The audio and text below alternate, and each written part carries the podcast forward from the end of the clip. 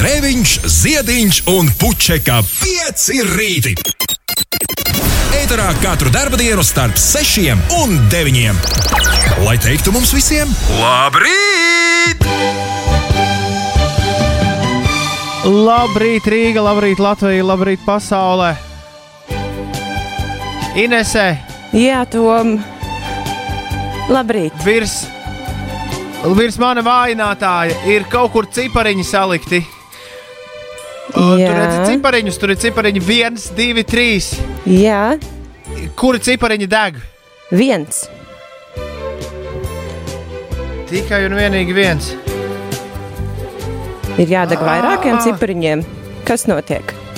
Kaut ko, kaut ko ir mūsu tehnikas salēdz grīstē, jo tiklīdz es kaut ko pasaku, tā momentā es to dzirdu arī pats uh, savā ausīs. Un tas padara uh, iespējamību ar tevi komunicēt un komunicēt ar visiem pārējiem klausītājiem gandrīz, gandrīz neiespējami. Bet mēs tūlīt sazvanīsim tehniķi. Visi, visi normāli. Pūkstens ir tikai divas minūtes pāri sešiem. Uldis ziņo, ka mēs ļoti labi skanām radioaparātā. Man ir liels prieks, ka mums ir vispār iespēja ar jums sarunāties. Paldies arī Grēviņa kundzei, kur ziņo no blakus istabas, ka viss skanot normāli arī internetā tiešraidē. Labrīt, Latvija! Es ātri izstāstīšu, pirms mēs dodamies tehniskajā. Pirmajā pauzē es izstāstīšu, kas šeit notiek. Inês atrodas Doma laukumā. Viņa ir vienīgā, kurai ir atļauts uzturēties mūsu ierastajā studijā. Varbūt tu vari dažos vārdos Inês aprakstīt, kā izskatās un kas ir mainījies radio mājā šīs nedēļas laikā, kamēr mēs nebijām kopā ar klausītājiem. Nu, šis tas ir mainījies. Tas varbūt neatiecās tik daudz uz klausītājiem, cik uz mums pašiem. Uh, tagad, uh, bet tā jau sistēma bija plānota. Mums ir katras uh, durvis ciet, tagad bez caurlaides nekur. Uh, tas arī ir uh, viss, kas ir mainījies. Cilvēki vēl no rīta šeit, uh, kā jau ierasts, uh, nav. Ir tikai apsargs, un droši vien arī stāvu zemāk ir ziņu cilvēks un es. Nu tā, daudz cilvēku strādā no mājām. Jā, Uh, jā, es esmu viens no tiem cilvēkiem, kas strādā no mājām, un Ulas arī ir viens no tiem cilvēkiem, kas strādā uh, no mājām.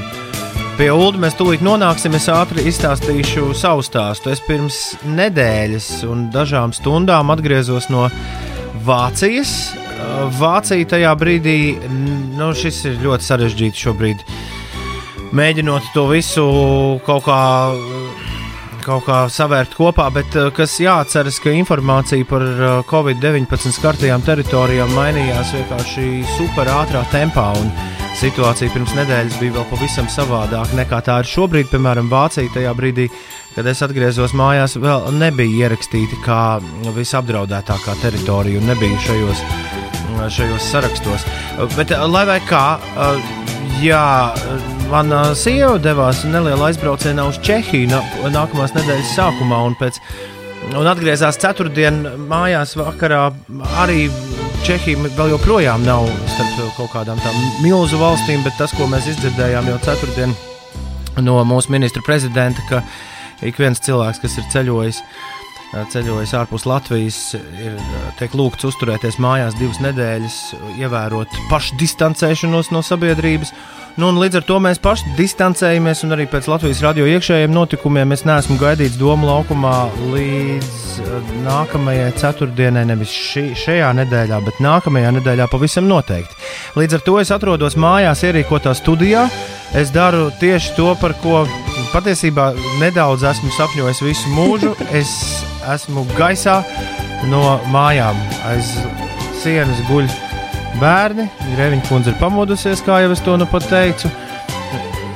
Šķiet, ar konekciju viss ir kārtībā. Jūs mani dzirdat brīnišķīgi. Jā. Es, man, mums ir jāatrisina pāris vēl tehniskās lietas, un pats svarīgākais mums kaut kā ir jāpieslēdz ULDIS visā šajā. Jo. ULDIS, uh, ULDIS nav mājās atkal citu iemeslu dēļ. Ines, vai tu zini, ka tas ir ULDIS nav studijā citu iemeslu dēļ? Uh, Nevis, uh, nevis tā kā es, kurš ir nodistancējies no sabiedrības, bet ULDIM ir, ir, ir citas ziepes. Ines, vai tu zini, kas, kas ir pa ziepēm, kāpēc ULDIS nav studijā? Uldim, man liekas, īsti ziepes nekādas nav. Tie ir mūsu radio noteikumi, ka studijā ir viens cilvēks. Vai tad nē? precīzāk sakot, Uldim, uh, Ulda darba pienākumos ietilpst būt spējīgam arī savu darbu darīt attālināti. Un tā kā, tā kā tas tur ir sarakstīts papīros, tad Uldis nav kopā, kopā ar mums. Un, jā, Nu, ne gluži tā iemesla mums ir dēļ. izdevies pieslēgt. Bet izstāstījieties, kāpēc mēs šorīt mums bija maziņš plāniņš, kā pieslēgt Uldi, bet kas atgadījās? Es atkal nolaidu kaut ko greizi. Tā bija mana atbildība paņemt līdzi savam uh, supermodernajam telefonam pārēju līdzi. Uh, jā, tas ir tik idiotiski muļķīgi, ka ražotāji ir sākuši taisīt telefonus, kuriem ir tikai viena ieeja, un tur jāliek iekšā gan austiņas, gan lādētājs, gan visi pārējie vadi. Nu, lūk, un es, uh, es tā ļoti satraukta skrienot uz darbu, nepaņēmu līdzi austiņas savējās, uh, pie kurām visu laiku ir pievienota pārējai telefonam. Un to es atklāju, ieskrienot uh, studijā un mēģinot visu saslēgt kopā. Tālūk. Man šķiet, ka man ir normāls, Uldi. tas ir moderns telefons. Nevis normāls, bet moderns telefons. Bet man joprojām ir divi, divi caurumi telefonā. Es šobrīd arī starp citu esmu iesprūdis austiņas telefonā. Jā, Bet uh, tev ir pavisam moderns telefons. Tik moderns gandrīz kā Ulu. diemžēl šajā reizē jāsaka, diemžēl jā. Man ir tik moderns telefons. Ja mums nebūtu nekas cits, par ko pasaulē šobrīd uztraukties, tad mēs pavisam noteikti varētu pieprasīt telefonu ražotājiem atgriezt visādus caurumus telefonā. Bet, bet draugi, mīļie, tuvākās nedēļas mums ir jātiek galā ar, ar kaut ko pavisam, pavisam citu. Vispirms mēs salabosim visu, kas mums šeit ir ātri jāsalabo. Un pēc maza mirklīša būsim pie jums uh, atpakaļ. Man ir prieks, vismaz, ka mēs ar Inesu esam dzirdami. Un, uh, un es ļoti ceru, ka Ulas mums arī atsūtīs pavisam drīz kādu audio apliecinājumu tam, ka arī ar viņu viss ir kārtībā. Ir 7 minūtes pāri pusdienas sešiem, ir pirmdiena, 16. marts, dāmas un kungi. Šeit Latvijas radio 5, 5 LV, šis ir redzējums 5 rīti. Un tagad griez vājinātājs augšā, Ines, jo skanēs astronauts un sadanlaits O, jā. ar dziesmu haosā. Lai visiem foršs rīts un atsitiet kādu rindiņu mums, kā jūs mūs dzirdat uz 293, 202, 29, 31, 202. Latvijas radio 5,5 LV. Labrīt, visapkārt. Ir 15 minūtes pārpusdienas sešiem, ir pirmdiena, 16. marts. Es īsti nesaprotu, ko ir domājis cilvēks, kurš raksta, klausoties šo rītu, gribas citēt klasiķus, kādā pasaulē tie jaunie dzīvo. Kas vainas Es rītam? īsti nezinu, par ko tas ir. Vai par tehnisko risinājumu, ka man ir iespēja dzīvot pasaulē, kurā es pamostos, izmazgāju zobus, iedzeru tēju un apsēžos pie palodzes, jo tieši uz palodzes esmu, esmu uzrīkojis savu studiju, un pēc kāda laika jums arī noteikti internetā nodemonstrēšu, tad, kad nedaudz vairāk kā zivs ūdenī jutīšos, kā man te viss izskatās. Iespējams, ka jā, šī izziņa ir par, par to, ka mm, jaunie var dzīvot pasaulē, kurā nemaz pasties uz darbu nav jānāk, lai būtu kaut kur. Kaut kur dzirdam. Varbūt arī tā tas bija domāts, jā. Jā, e- e, jā. es izstā, izstāstīšu arī tev un visiem pārējiem, kāda ir mūsu tehniskie sarežģījumi. Jo kā nu bez tiem, pirmais tehniskais sarežģījums, tātad Ines aizmirs mājās uh, Uldi. Nu, tā mēs to varētu nosaukt. Otrs Jā, tā varētu sarežģījums ir nosaukt. tas, ka es uh, tur, kur. Tur, kur Ines es tevi dzirdu, tur es arī sevi visu laiku dzirdu. Bet sevi es dzirdu nevis, uh, nevis tajā brīdī, kad es runāju, bet apmēram ar divu sekundžu nobīdi. Oi, tik liela nobīdi. Jā, sajūta ir apmēram tā kā Daugavas stadionā bija uh, Deju svētku lielajā diskotēkā, kaut ko mēģinot pateikt. Ka tev ir visu laiku jāizspiež tajā brīdī, kad runā, jāizspiež ausis, lai tu nedzirdi pats sevi. Tur vējoņa kungam rīktīgi grūti ar to gāja, jo tur runā un tenī pat laikā tā skaņa nāk tev uzreiz atpakaļ. Jā, nu, neesmu pārliecināta, vai mēs šī rīta laikā to spēsim salabot. Bet uh, mums ir priekšā visa diena, lai to salabotu. Oh, es, es man liekas, dzirdu sevi atbalstīt. Jāierodās, viņam jāierodas studijā, un tad iespējams mēs kaut kā to varam, varam risināt. Labrīt, piecīši, dzirdamība laba, viss strādā, izņemot ULDI. Jā, Tāpat kā Toms un daudzi citi. Biju Jaunzēlandē. Paldies, ka cenšaties un turpiniet savu darbu. Arī es esmu pašizolējies un ievēroju karantīnu divu nedēļu garumā. Jā, tā mums Aigars raksta. Jā. Mums šodien izlems likteni, jo manā gadījumā strādāt attālināti būtu ļoti smieklīgi, raksta Ērgļu Iveta. Ērgļu Iveta strādā viesnīcā. Tur viesi vēl ir kādi palikuši, Iveta? Vakar mums bija vissiltākā un dīvainākā darba diena, bet jūs turās, turās. O, un Alfrēds ir pamodies, Ines, tu redzēji? Mm -hmm. Alfrēds ir augšā.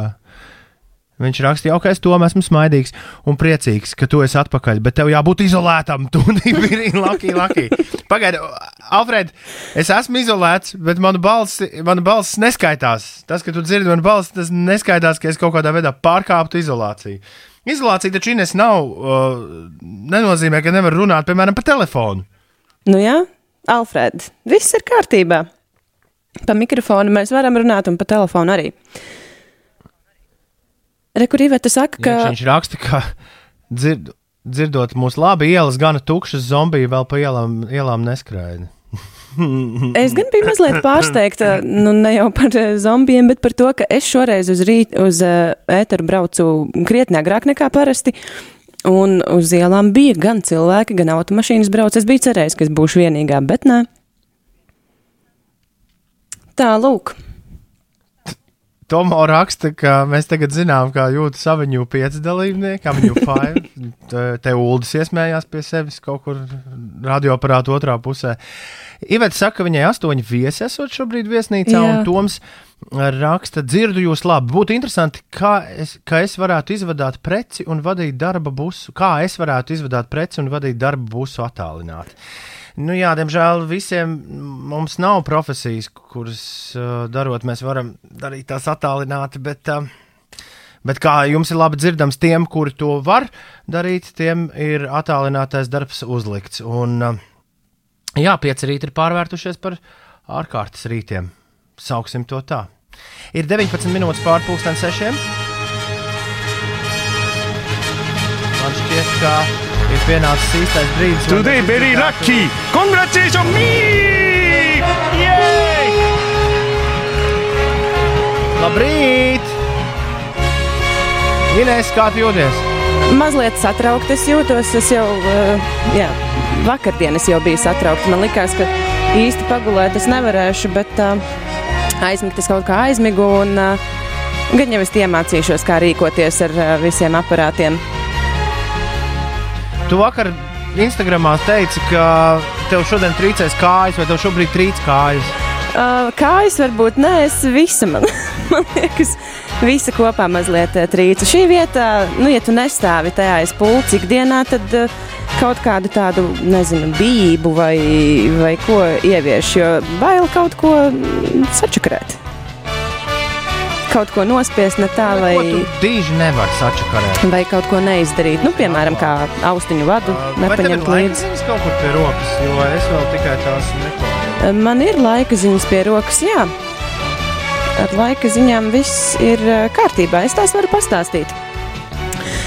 Latvijā sākot jā, no valsts ziemeļrietumiem gaidāms lietus un slapjš sniegs, tā prognozē sinaptiķi. Un eh, Latvijā nokrišņi ieradīsies tikai vakarpusē. Tur mazliet eh, labāks laiciņš. Putīs mērens dienvidu rietumu vējš eh, priekšpusdienā piekrastē. Brāzmās tas pastiprināsies līdz 18 metriem sekundē, un šodien gaisa temperatūra būs plus 3, plus 7 grādi. Rīgā būs diezgan mākoņainas debesis, un dienas otrajā pusē gaidāms neliels lietus. Jā, vējš arī tāds labs būs 12 m2, un gaisa temperatūra plus 5 grādi tas galvaspilsētā. Vispār vakarā man ir, ah, nē, tas ir rīt. Jā, 5 grādi gan rītdien būs jau plus 9. Un tad ceturtdien būs plus 8, un, uh, lai būtu vēl jautrāk, tad uh, nedēļas nogalē atkal mīnusos gāzīs iekšā. Tā kā šis nu ir tas brīdis, lai arī ziemu neredzējām, bet uh, kaut kas plosās, ar, tas ir cīnās ar pavasaru šajā brīdī. Un mēs ļoti labi zinām, kurš uzvarēs, vai ne? Jā. Pavasaris. Ok. Labrīt, Teuldis. Šobrīd sēžu viesistabā. Man ir iekārtots forša darba vieta. Es dzirdu jūs, fonā dzirdu arī BBC, kur šobrīd dāmas stāsta par ļoti interesantu par to, kā izvairīties no sejas aiztikšanas. Izrādās, ka cilvēkiem sejas aiztikšana ir jau no zīdaiņa vecuma ieaudzināts paradums, no kā nemaz tik viegli izvairīties nevar. Jo sejas aiztikšana ļoti bieži mēs to darām tad, kad mēs jūtamies nedroši vai kad ir kaut kāds, kaut kāds satraukums vai kaut kas tāds. Un kad vēl vairāk satraukumu kā laikā, kad viss saka, neaiztiec seja, neaiztiec seja. Bet tur dāma ieteica mēģināt mainīt paradumus. Uh, kaut ko ar brillēm, un viņi tā kā rādīja, kā varētu nu, kā pieskarties apaklītai vai kaklam, nu, ja galīgi kaut ko gribas sev aiztikt publiskā vietā. Bet principā ir ļoti jāpiedomā pie sejas aiztikšanas. Oh, Jā. Es īsti es neesmu ievērojusi, Pēkšņi pieskārās sejai. kurā brīdī es sev aiztieku seju vai, vai neaiztieku.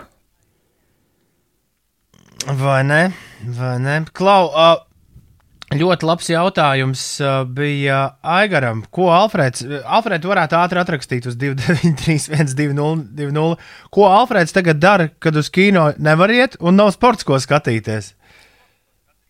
Jā, viņš bija atrakstījis, ka viņš iet uz darbiņu. Zemi izsist no kājām. Bet uh, vispār, jā, visas ierastās izklaides. Viņš varētu skriet droši vien. Labrīt, visapkārt! Labrīt, Inesē, labrīt, Uldī, labrīt, vispārējie! Jā, Klau! Jā, īstenībā tev šorīt vēl ar Magnus bija kopā jābūt. Kā jūs piekdien atvadījāties, Ines? kā mēs piekdienā atvadījāmies, uh, nu, laikam jau bijām mazliet neziņā, kā tad tā pirmdiena mums izskatīsies. Jo agrā rītā vēl to neviens uh, nebija īsti izdomājis. Bet uh, jā, tāds bija plāns, ka šorīt mēs vēl ar Magnusu būtu ēterā. Jā, es Atvadījāmies. esmu atgriezies brīvprātīgi no atvaļinājuma atpakaļ. Nu, re, Nē, nu es esmu. man jau liekas, ka viss jau ir pareizi. Jāsāk uh, jauna nedēļa kārtīgi. Nu tā, no pirmdienas līdz Tas gan, tas piekdienai. gan. Vienkārši nu, arī paskaidrojot, saprotot to, ka turpmākās nedēļas es pavadīšu mājās, uh, un vienīgais uh, svaigais gaiss, ko redzēšu, būs pagalmā. Tad arī likās pilnīgi stulbi, kāpēc izmantot vēl pēdējo, pēdējo brīvdienu. Ja nu, var tiešām mesties uzreiz iekšā visā šajā lietā. Un, un, un, un pareizi arī darīt, jo šodien mēs atrisināsim visādas kaut kādas tādas mazas nu, tehniskas nianses, kas mums vēl jāatrisina, lai šis radiotilts būtu. Kaut kādā brīdī pieslēgsim, pieslēgsim arī ULDI, ne tikai ar audio ziņojumiem. Un, jā, tad rīt mēs varēsim maukt vaļā Ines tieši tā kā vajag. Rīt viss būs kārtībā, jā. Precīzi. Nu, tā kā es neaizmirsīšu to austiņu uh, vadu visiem mājās. jāliek ir aiz auss, ka mēs visi ievērojam sociālo distancēšanos. Tas nav tikai par tiem cilvēkiem, kuri tā kā es uh, nekur neiet. Tas attiecas uz pilnīgi, pilnīgi visiem šobrīd Latvijā. Mēs izvairāmies no publiskām vietām. Un, un bēdīgi ir lasīt, uh, nevis bēdīgi, bet interesanti, ko Rolands ziņo. Rolands uh, saka, ka esot nakts lokāli, kas grēkojot ar strādāšanu pēc pulksten 23 šobrīd. Un esot arī attīstījušās balītas pa dzīvokļiem un visādām citām vietām. Ir arī ļaudis, kuri izmanto esošo situāciju, lai tā teikt, būtu pamatīgā ballē. Es vismaz ceru, Ines, ka viņam rokas nomazgā kārtīgi un ar ziepēm. Jā, un neaiztiek viens otram seju. Un, un savu Te man seju. prasītos kaut kāds ulda. Uh, jā, ierunāts teksts par roku mazgāšanu. Es dzirdēju, ka rokas esot jāmazgā 40 sekundes. 40 sekundes esot jāvelta roku mazgāšanai ar ziepēm, tā lai tas būtu pareizi. Uldis arī zināja aizdomājos, vai stāstīt, jau ka kādreiz izņemot kaut kā tālu bērnībā, es esmu tik ilgu laiku veltījis. es arī neskaitu līdzi, cik uh, sekundes es mazgāju rokas, bet Uldis zināja stāstīt, ka tieši ziepēs ir tā īstā lieta, ka obligāti ir jāizmanto ziepes un ka nevajag pārdzīvot tiem, kuri nav uh, veikalā paspējuši nopirkt tos dezinfekcijas līdzekļus. Pats svarīgākais, ka mājās ir ziepes, ar ko nomazgāt rokas. Mūsu, mūsu privātajā čatā Ulas raksta, ka 20 nav nekāds 40. Labi, tas jau izklausās cilvēcīgāk, jo savādāk 40 sekundes mazgāt rokas. Jāliek timers tā kā olas vārot. Cik ilgi jāmazgā rokas? Vai ne? Vai ne?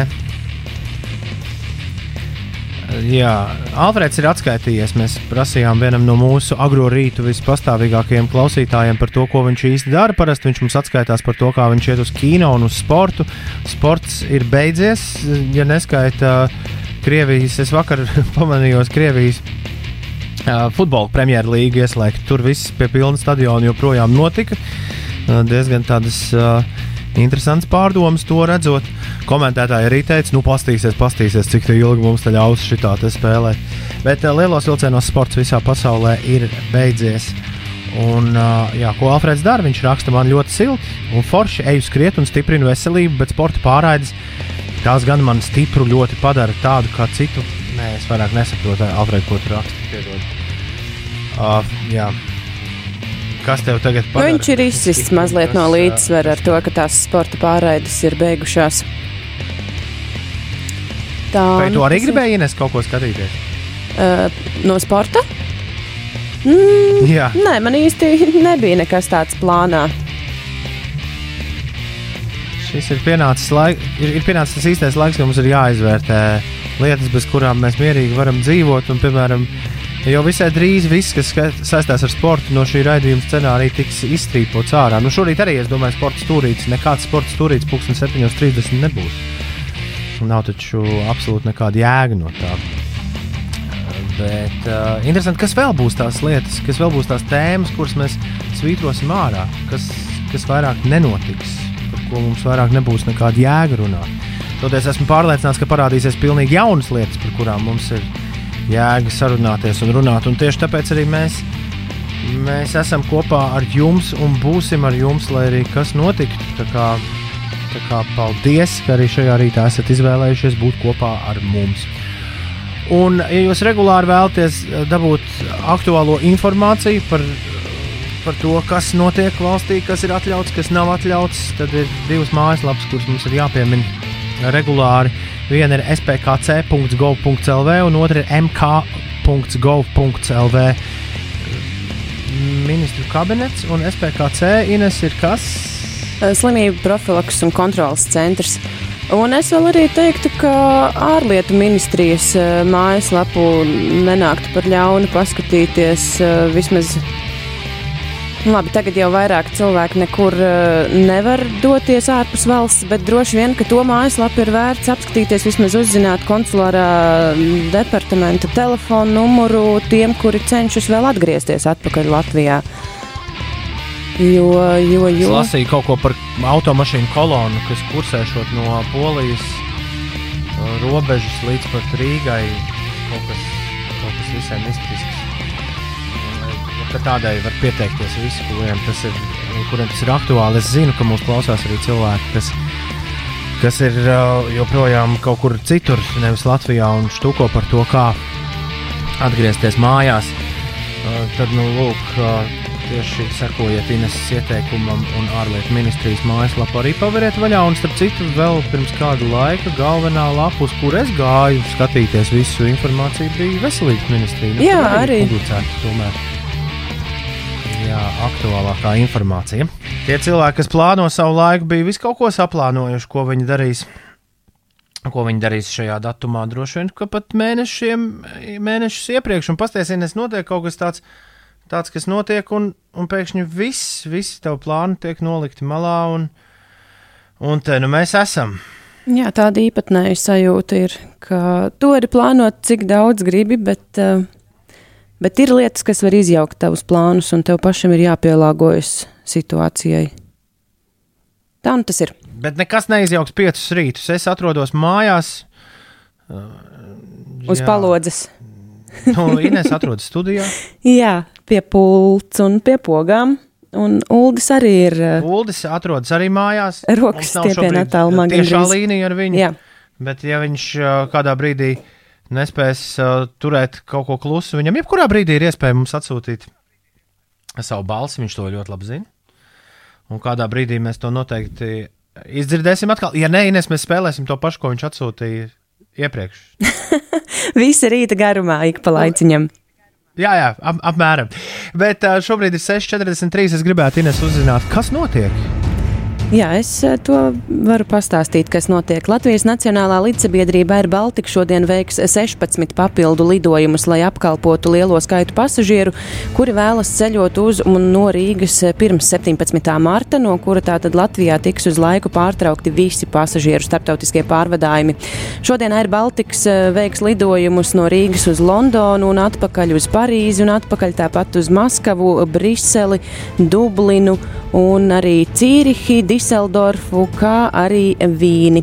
Un papildus tam Latvijas pilsoņi un pastāvīgie iedzīvotāji, kas vēlas atgriezties valstī arī pēc 17. Eh, marta, ar Baltika mājaslapā var aizpildīt pieprasījuma formu uz iespējamiem repatriācijas reisiem. Tas par avio satiksmi un no šodienas arī iekšzemes autobusu reisi tiks nodrošināti saskaņā ar brīvdienu grafiku. Reisu skaits būs samazināts, tā Twitterī vēstīja autotransporta direkcija. Un droši vien da daudz eh, priecīgāk citos apstākļos būtu teikt to, ka šodien Latvijā skolēniem sākas pavasara brīvlaiks, bet eh, jā, droši vien skolēni. Nu, tās izklaides iespējas brīvlaika laikā nav tik uh, lielas, kā gribētos, bet brīvlaikā dodas ne tikai 1 līdz 11 klašu skolēni, bet arī 12 klašu skolēni. Jā, viņiem šajā nedēļā bija paredzēta eksāmeni, bet tie ir pārcelti uz māja vidu. Un atgādināšu arī, ka pēc brīvlaika nedēļas būs uh, mācības, kas būs organizētas attālināti. Čiriks raksta, ka viņam nepatīk, ka skolēni neizprot lietas nopietnību. Nav jāiet uz skolu, lai neizplatītos slimību, bet viņi brauc un pulcējas centrā kā parasti.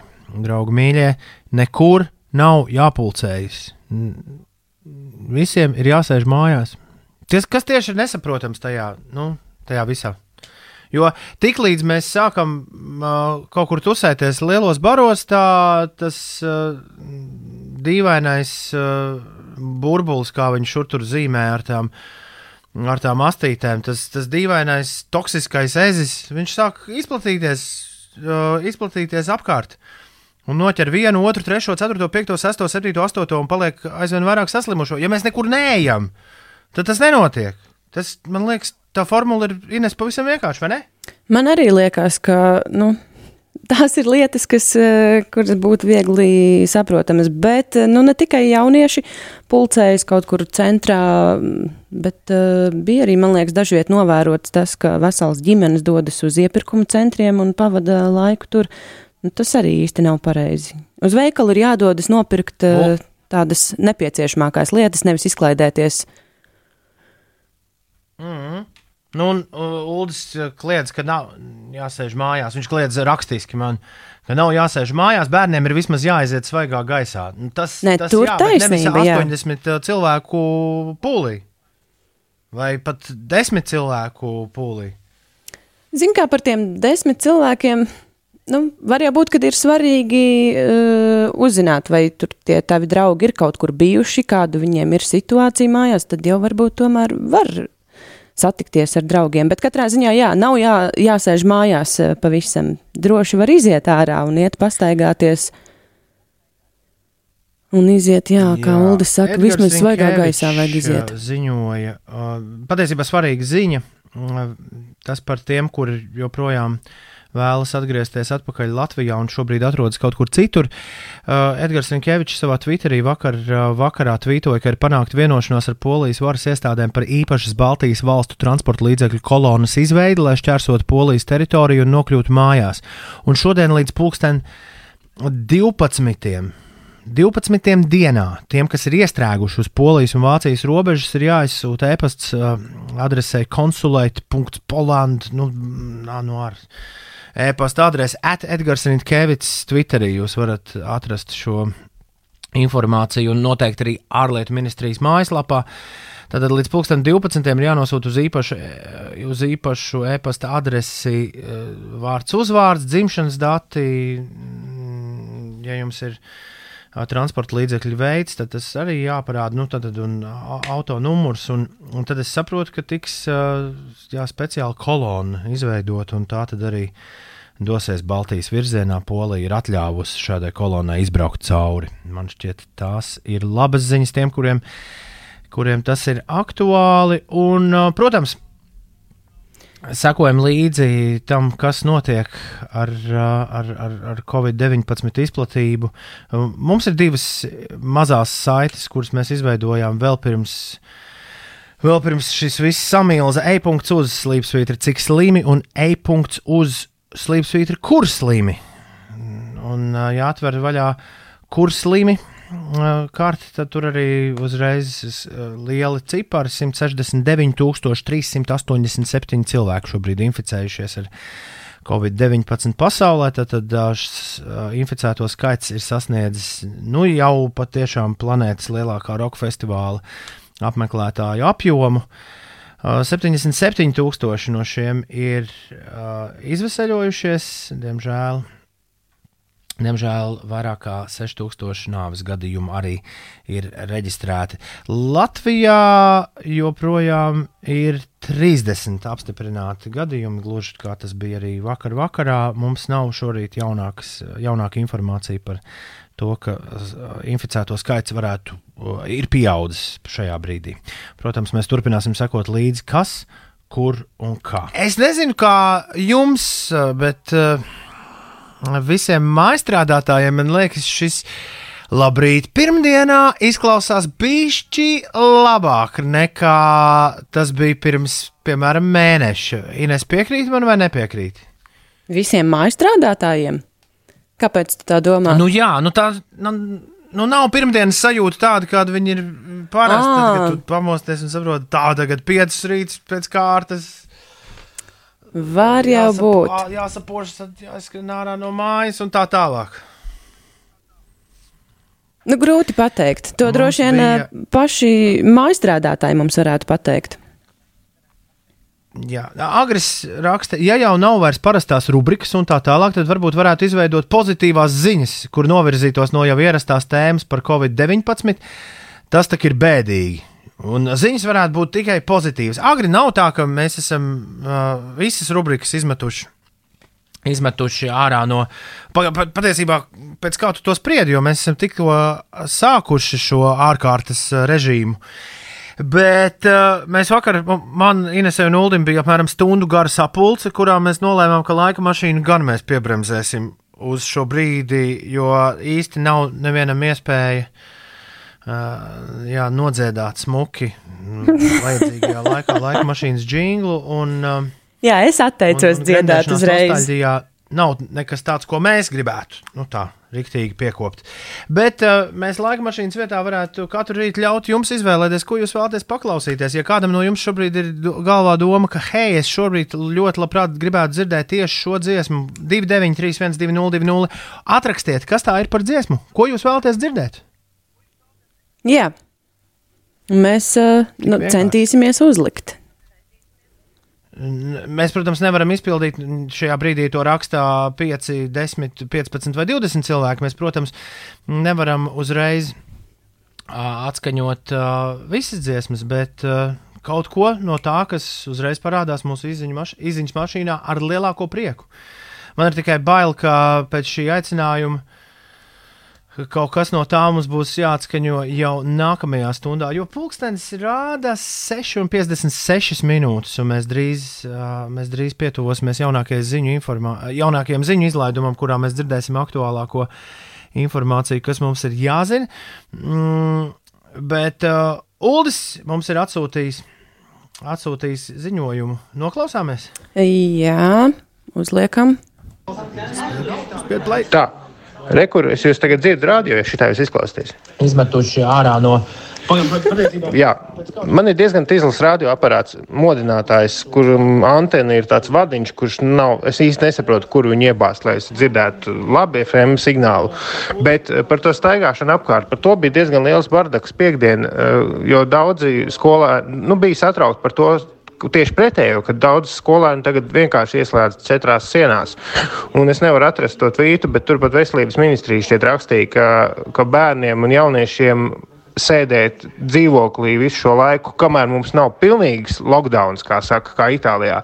Sēdēt dzīvoklī nesvaigā gaisā nav labi. Nu, ārā iziet vajag. Labi, ja to var izdarīt pagalmā, bet, nu, ja tu gribi iziet ar tiem saviem dažiem draugiem kaut kur, tad galvenais ir nespē, nespiest roku un, un, un mēģināt ieturēt distanci no cilvēkiem un neiet piesmakušos lielveikalos. Bet nu, ārā iziet vajag. Svaigs gaiss un labs miegs ir ļoti svarīgi imūnsistēmai. Nu, taisnība Uldim ir. Labi. Tā. Liekam šo aiz auss un, uh, un, un mēģinam neaizmirst. Jebkurā situācijā. Un, un šo mm, būs jāatkārto vēl un vēl un vēl un vēl. Nu, nav jau tik traki ar to vīrusu, raksta bumbieris. Labrīt, piecīši. Mēs jau nesakām, ka traki ir vienkārši savādāk. Un nav tā kā iepriekš. Vajag domāt labas domas un piesakot vairāk higiēnai. Es vienu dienu saskaitīšu, cik, cik reizes dienā es mazgāju rokas. Un vēl būtu ļoti interesanti paskatīties, ja būtu bijuši šādi paši pieraksti uz, piemēram, nu, gadu senu, 16. martu. Kā tad tika mazgātas rokas? Tā atšķirība, man liekas, ir diezgan pamatīga. Tu esi izskaitījusi, cik reizes tu dienā. Īstenībā mēs arī ģimenē runājām par to, ka mums jau no agras bērnības tētis ir bijis ļoti strikts par tādām roku mazgāšanas lietām. Un, nu, tas jau no bērnības ir audzināts, ka pēc uh, visiem veikala apmeklējumiem atbraucot mājās rokas ir jānomazgā. Ja tu, piemēram, taisi omleti, sasistot olas bļodiņā, pēc tam uzreiz ir jānomazgā rokas. Nu, Man tas uh, vienmēr ir bijis uh, diezgan, diezgan ieaudzināts jau, jau sen. Brīnišķīgi. Mazliet sabijos no fona mūzikas. Nevar būt. Jā, Es spēju mūzikas mašīnu attālināt, un nu, tev daudz būs tagad, kamēr mēs šādā režīmā strādāsim. tev būs daudz pārsteigumu, Ines. Daudz pārsteigumu. mm, nevar viens sagaidīt. Labi, šis rīts jau ir mazliet no tāds. Apsolu tev to no visas, visas sirds. Paldies visiem, kas ir uh, sarakstījuši savas muzikālās vēlmes. Es izskriešu tām cauri, un kaut ko no tā mēs noteikti uzspēlēsim uzreiz pēc tam. Uzreiz pēc tam, kad būsim atgriezušies atpakaļ no kārtējā ziņu izlaiduma. Tas gaisā jau tūdaļ pat. Šeit Latvijas Rādio 5, 5 LV, 5 rītī, cēlies augšā.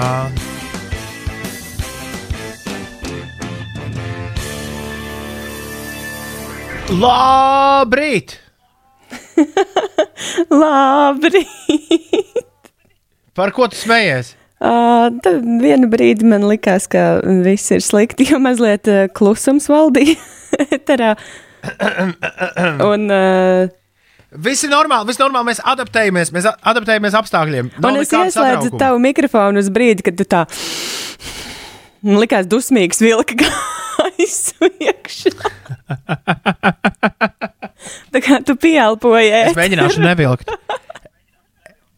Es mēģināšu neko nevilkt. Šādā veidā. Bet es ticu, ka šis rīts ir tāds, kā nu, uh, ir uh, jāsaņemās, lai uh, jā, nu, tā vienkārši ievilkt gaisu un uh, mierīgi izpūst. Jā, Esiet sveicināti visi, kas nu pat ir pamodušies šeit Latvijas Radio 5, 5 LV, 5 rīti. Toms Grēviņš atrodas savās mājās, karantīnā. Man ir maza jauka studija. Es pirms stundas teicu, ka es nofilmēšu, Instagramā ielikšu, kā tas viss izskatās. Nu, nav bijis laika mm, vēl te ar internetu kaut kā nodarboties. Iespējams, ka tas notiks visai drīz. Iespējams, ka nedaudz vēlāk, tad jau skatīsimies, bet es tagad esmu mājās. Inês atrodas Doma laukumā, jā. studijā pie Doma. Uldis producē raidījumu no mājām. Tā mums šorīt ir jāiekārtots. Jā. Un tā tas būs vēl kādus daudzus, daudzus, daudzus, daudzus rītus. Jo mūsu iekšējie radio noteikumi paredz, ka studijā visu laiku labi, ja tikai un vienīgi viens cilvēks var atrasties. Visi, kuri var darīt savu darbu attālināti, visiem tiem ir tas jādara attālināti. Un vēl varēja būt jautrāk, Ines. Varēja būt arī, ka tu būtu mājās. Uh, jā, Un, uh, Jā, un tad, tad man būtu vēl viens dators šeit, un es mēģinātu vēl spaidīt visas pogas, attālināt. bet, uh, Paldies Dievam, tagad es spaidu tikai dažas pogas. Ah, jā, nu, un tad tās pārējās piespēju desklāt. Vai ne? Tā sanāk. Mm. Kaut kā apmēram tā. Kā jūs jūtaties, draugi mīļie? Kāds ir jūsu garstāvoklis šajā 16. marta rītā? Mēs, kā alaži, priecājamies no jums dzirdēt kādu ziņu 293, 202, 293, 202. Ir, uh, ir, ir, ir uh, numurs, kurš joprojām darbojas, izziņas mēs saņemam, visi tās varam Visu tās varam izlasīt un varam tās nolasīt. Jums Mārtiņš saka, ka viņam patīk šādi rīti, jo viss ir tukšs un varot normāli pastrādāt.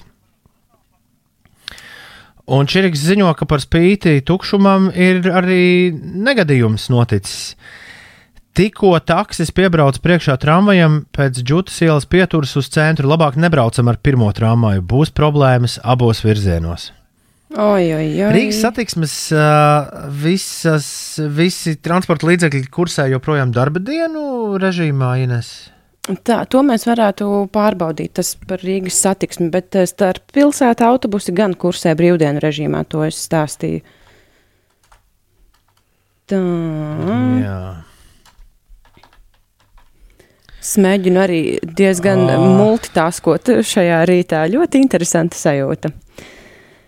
Uh, jā, šeit ir rakstīts Rīgas satiksmes mājaslapā, ka šodien un tuvākajās dienās sabiedriskais transports kursēs pēc ierastā darba dienu grafika. Tā kā ar sabiedrisko transportu gan viss ir kārtībā. Tas kursē kā ierasts, bet starppilsētu autobusi gan pēc brīvdienu grafika braukā. Nu, jā. Lai, lai nu Rīgas satiksme pati pēta savu noslodzi, bet uh, es atļaušos prognozēt, ka arī šeit zinām. Nu, zināmas korekcijas mēs varētu kaut kad ieraudzīt. Linda raksta, gludina balto uniformu un tiešām negribas uz darbu. Diemžēl, lūdzu, mazgājiet rokas. Taisnība, jā. Labrīt! Lielākais prieks par to, ka beidzot nav jāvazājas pa lielveikaliem, raksta dzintars.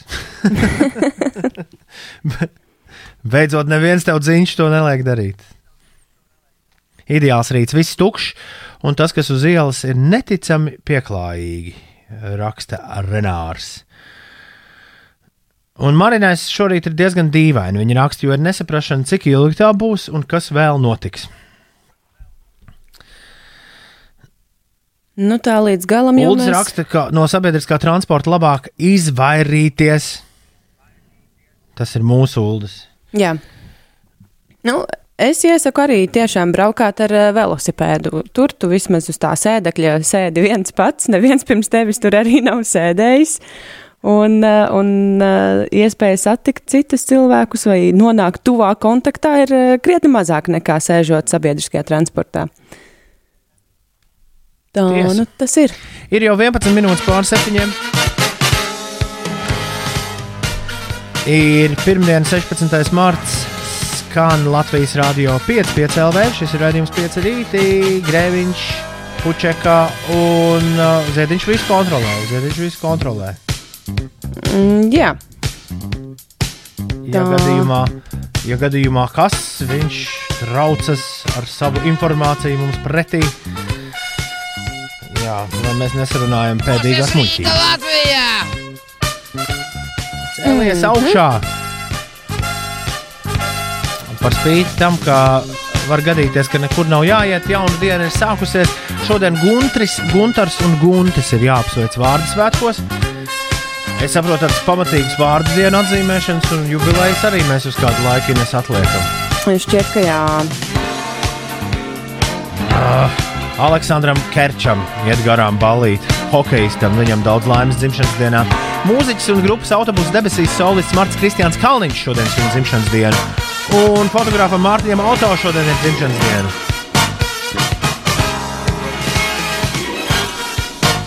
Viņiem no visas sirds mēs vēlamies daudz laimes, daudz laimes dzimšanas dienā. Jā, nu, sveiciens svētkos, tādos mazliet neierastākos, bet nu nekas. Nekas. Liena, Liena prasa, Tom, kā gāja Vācijā. Vācijā man gāja absolūti brīnišķīgi, Liena. Viņa prasa, vai man nav jābūt karantīnā. Ines, pa, pastāsti kaut ko Lienai. Liena Toms ir karantīnā. Viņš šobrīd atrodas mājās eh, pie savas palodzītes, uz kuras eh, viņam ir izveidota mini-radio studija. No turienes viņš arī mums skan ēterā. Savukārt Doma laukuma studijā pie pults atrodos es. Un uh, Uldis mūs visus uh, pieskata arī no mājām. Viņu mēs vēlākais rītdien, nu labi, vēlākais parītdien kaut kā pieslēgsim, lai viņš arī var piedalīties kopīgajās sarunās. Vadeks raksta, man ir ierasts darba dienas rīts sajūta, ir kā svētdienas rītā dotos uz darbu. Starp citu, man darba vietā kaimiņu firma visiem izsniedz pudelīti ar roku dezinfek dezinfekcijas līdzekli. Jauki! Tas ir mīļi. jā. Lācis raksta, hei, pieci rīti, veiksmīgi jums nedēļa piegādāju preci, un Rīgā ir, ab, Rīga ir abrīnojami tukša. Un prieks pat strādāt ir. Un Lācis grib zināt, kur labāk darboties, mājās vai studijā. Mājās tas ir tā kā tādā plezīrā. Šī ir mana mājas studija. Man baigi nav tā, ka man diezgan daudz kas ir jādara. Un savukārt tas, kas man ir jādara, bišķi ir tā, it kā es uh, vadītu nu, kaut kādu zondi, kas staigā pa mēnesi. Tad es kaut ko nospiežu, un tas, ko es nospiežu, notiek tikai pēc kāda maza mirkļa. Un, un vēl kas padara nelielu, pie kā ir jāpierod, pie kā mēs pieradīsim tikai dažu rītu garumā, ir tas, ka mana balss pie jums nonāk, un arī pie Ines nonāk divas sekundes apmēram pēc tam, kad es esmu, vai sekundi pēc tam, kad es esmu pateicis to, ko es pasaku. Un, līdz ar to mm, mums tāds veikls dialogs nemaz nevar izveidoties. Bet man šķiet, ka Inês mēs pagaidām turamies tīri labi. Mēs mēģinām to rītu saturēt. Jā. Es ceru. Es teicu, ka kādam no jums ir iespēja izvēlēties kaut ko paklausīties. Man Inês vajag mm, burtiski 25, 30 sekundes, lai saprastu, kas ir tas, ko no iesūtītā mēs dzirdēsim. Vai tu vari lūdzu man izpalīdzēt un pastāstīt, kā tu esi apģērbusies šorīt, ja tev nav nekas prātīgāks sakāms? Labi, ka es šodien esmu gana Man pieklājīga. vienkārši vajag laiku. Jā, es sapratu. Labi, ka es esmu gana pieklājīgi apģērbusies šorīt, kā jau parasti nākot uz darbu. Uh, mans uh, raibais džemperītis un džins bikses man ir kājās, bet es, uh, es neliekšos. Man patiesībā bija mazliet, mazliet tāda klusa doma galvā, ka arī es varēšu atrasties eh, mājās, un tad es biju izplānojis, ka es varētu mosties īsi pirms ētera un pat neizlīst ārā no gultas, lai uh, varētu piedalīties mūsu rīta sarunās. Bet uh, tas uh, īsti nepiepildījās. Bet nu nekas, es, uh, es Man neesmu. liekas, šo visu darīt gultā, tas ir. Nu, pff, tas būtu diezgan traki. Tāpēc, ka tu vari aizmigt, kamēr skan dziesmas. Nu, var jau būt, bet nē, nē man ir uh, ik pa laiciņam tomēr uh, jāpieslēdzās ziņu lentei un jāsaprot, ko klausītājiem pastāstīt. Tā kā tas darbs arī no gultas būtu gan uh, spraigs. Bet es vienkārši atceros to laiku, Mēs vienosimies par sistēmu. es biju Stokholmā, kur Un es uh, kad- pavadīju gultā laiku, Jā, Ines, kad biju ēterā. Jā, jā, es pabeidzu. Es tev visu laiku vārījos pa virsmu, pasaku, lūdzu, vēlreiz, jo es, piemēram, nedzirdēju. Ko tu teici? Nē, es saku, ka man ir jaukas atmiņas saglabājušās no brīža, kad es biju Stokholmā un arī atrados ēterā. Un tobrīd es biju tādā eh, sēdus stāvoklī, vēl ar sagu apsegusies eh, gultā. Tālūk. Tas bija pirms gada. Mm, tas bija maijā, jā, pirms gada maijā. Parasti pirmdienās šajā laikā mūsu raidījumā notiek rubrika Ko darīt šonadēļ? Jā, Bet uh, ko darīt šonadēļ, laikā, kad nekas nenotiek? Tas ir labs jautājums. Labs jautājums, kuru mm, mēs varam uzdot viens otram. Ko darīt šonadēļ, Ines? Ko tu grasies darīt šonadēļ? Es eh, šonadēļ grasos nākt uz darbu katru dienu, uh, bet uh, man ir plāniņā patiesībā diezgan labi pagulēt dienas vidū. Tā kā mūsu celšanās laiks ir diezgan agrs, tad es eh, novērtēju to, ka man ir iespēja pagulēt, nevis eh, skriet pa visādiem baseina apmeklējumiem un, un, un tikties ar visādiem cilvēkiem. Tā kā jā, izgulēties, un man ir vesela grāmatu kaudzīte, kuru prasītos izlasīt. Tā kā šo laiku es eh, veltīšu arī tam. Un Nu, jā, grāmatas, filmas un mūzika man liekas ļoti, ļoti svarīga. Jā. Būtiska sastāvdaļa. Un es iesaku ikvienam izmantot šo laiku arī, lai dotos eh, velo izbraucienos.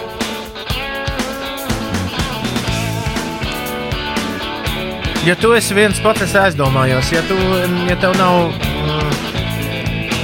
Ne- Pareizāk sakot, ja tu brauc kopā ar cilvēkiem, ar kuriem tu dzīvo kopā, tad viss ir, viss ir kārtībā un, un teorētiski nekādai, nekādam draņķim nevajadzētu būt. Es, bet par šo ik pa laikam es domāju, vai tas ir droši doties skrējienā, nesatiekot nevienu cilvēku, vai arī braukt ar, vai, vai braukt ar velosipēdu. Ir, grūti līdz galam atrast atbildes. Es domāju, ka tas ir katrā ziņā Jā, drošāk jā, nav- nekā, nav iet nekāda uz, eh, formula. nekā iet uz eh, veikaliem. Droši vien. Droši vien. Uh, galvenais, uh, vēl viena lieta, ko darīt šonadēļ, palīdzam neizplatīties dažādiem mītiem. Ir uh, būtiski jāzina visādi fakti, lai tos varētu atspēkot, uh, jo ļoti daudz cilvēki rīktīgas dumības stāsta arī par un izplatīja internetā par jauno covid vīrusu. Uh, piemēram, uh, kāds bija. Kāds bija rakstījis, ka uh, es skatos pasaules veselības fonds ir izplatījis tos slavenākos mītus, kas eksistē par jauno vīrusu. Ka, piemēram, uh, ieejot vannā karstā, tādā veidā tu vari atturēties no, no vīrusa, viņš tev neķers. Tā nav, tā nav taisnība. Jā, droši vien latviešu pirtīs arī nevarētu tā ieiet. Kārtīgi nopērties Neviens ar bērnu nezina, vai- slotiņām. Neviens nezina, vai vīrusu nevar izplatīt arī, arī piemēram, ā, dažādi kukaiņi, kukaiņu kodumi, nu, piemēram, nezinu, bita. Uh, ja, kāds, kāds ir uzdevis jautājumu, vai var nogalināt vīrusu ar šo te rokas žāvējamo aparātu? Aizpūst projām. Varbūt ar kādām ultravioletām spuldzēm. Nu, tu sev apstaro un tad viss ir kārtībā. Nē, nekas tam līdzīgs. Nekas tam līdzīgs, draugi mīļie. Ir tik daudz, ko vēl arī cilvēki, kas strādā medicīnā, nezina par covid-19. Tā, diemžēl, tas ir. Tā, mums ir pienācis uh, zvans ēterā. Mēs varētu No Ulda. paklausīties, jā, kas tur ir sakāms kādam. Halo! Halo! Halo! Oh! Halo! O, es esmu vienmēr gribējis būt tas cilvēks, kuram saka, pagriez, lūdzu, klusāk radio. Tā, es tagad pamēģināšu pagriezt skaļāk radio. Tagad jums jāsaka, pagrieziet, lūdzu, klusāk radio. Pagrieziet, lūdzu, klusāk radio. Pagriez, Jūs lūdzu, klusāk radio. šobrīd esat ēterā. Jā, labi. Es gribēju izglābt rubriku, ko darīt šonadēļ, jo es dzirdēju, ka jūs sabrukuši ēterā savā ziņā. Nē, viss bija ļoti labi pa- padomi. Uh, bet par, to, par to, ko, ko darīt šonadēļ, pirmkārt, ek, mums jau klausītāji raksta Zane par to, ka metropolitēna opera mājaslapā bez maksas var noskatīties operas izrādes Karmena ar Elīnu Garanču. Es zinu, ka Vīnes Wow! uh, Jā, Vīnes operas uh, arhīvs. Tur gan ir jāreģist, jā, jā, jālejupielādē aplikācija. Kaut kā par operu sanāk. Vīnes štats opera arhīvs ir pieejams bez maksas šobrīd. Tu ieej aplikācijā un tu vari skatīties. un Viņi arī tās arhīva izrādes arī rāda kaut kādos konkrētos laikos katru dienu, bet tu vari arī pagātnes izrādes noskatīties. Tāpat ir uh, tur televīzijā, ir visi bērnu kanāli iedot šobrīd pa brīvu. Un, uh, es runāšu visu mūziķu vārdā, kas šobrīd ir nu, diezgan apjukuši. Īpaši tie, kas vispār nekur nestrādā nu, tādā regulārā darbā un ir pašnodarbināti. Un man liekas, ka visforšākā ideja, ko ir aizsākusi, ir uh, Māras Upmanas Holsteinas mēnesis radot. Hashtag mēnesis radot. Viņa aicina visus, kas kaut ko rada, vienalga vai tie teksti, vai gleznas, vai mūzika, vai, vai adīšana, vai jebkas, vienkārši pavadīt šo mēnesi strādājot, radot, publicējot to ar hashtag mēnesis radot. Un uh, tad, kad viss šis bardaks būs beidzies, es jau otru reizi ēterā šorīt pasaku vārdu bardaks, nesot ēterā, trešo reizi jau. Uh, tad, kad viss šis būs beidzies, tad nu, no vienas puses būs ļoti daudz labas lietas aizsāktas, Un uh, no otras puses būs uh, kaut kā jēdzīgi pavadīts tas laiks. Man arī mūzikas instruments stāv neizpakots, neiepakots, un, un es plānoju mēģinājumu laiku pavadīt, mēģinot ar sevi mājās izdarīt kaut ko. Nu, jā, un vēl ir visādi uh, mūsu pašu teātris. Aktieru. Tur uh, es zinu, ka aktieru grupa Quadrifrons katru, šķiet, katru dienu lasīs kaut ko no Dekamerona. Jaunais Rīgas teātris ir ielicis Facebookā Dekamerona sākumu, ko ierunājis Gunārs Aboliņš. Un man šķiet, ka vēl visādas teātris izrādes drīzumā būs uh, pie, pieejamas. Jāsako līdzi, jo visi, visi laiž vaļā savus arhīvus bez maksas. Un, kā, ko darīt šonadēļ, kā to visu paspēt tālāk. Fotorēnim šķiet, ka visgrūtākais ir izklaidīt, izklaidēt mazos un izskaidrot situāciju sarežģīti. Nu, par, uh, par ņemšanos ar bērniem es domāju, mēs visai, visai bieži šeit runāsim. Visai drīz, starp citu, manējie būs pamodušies.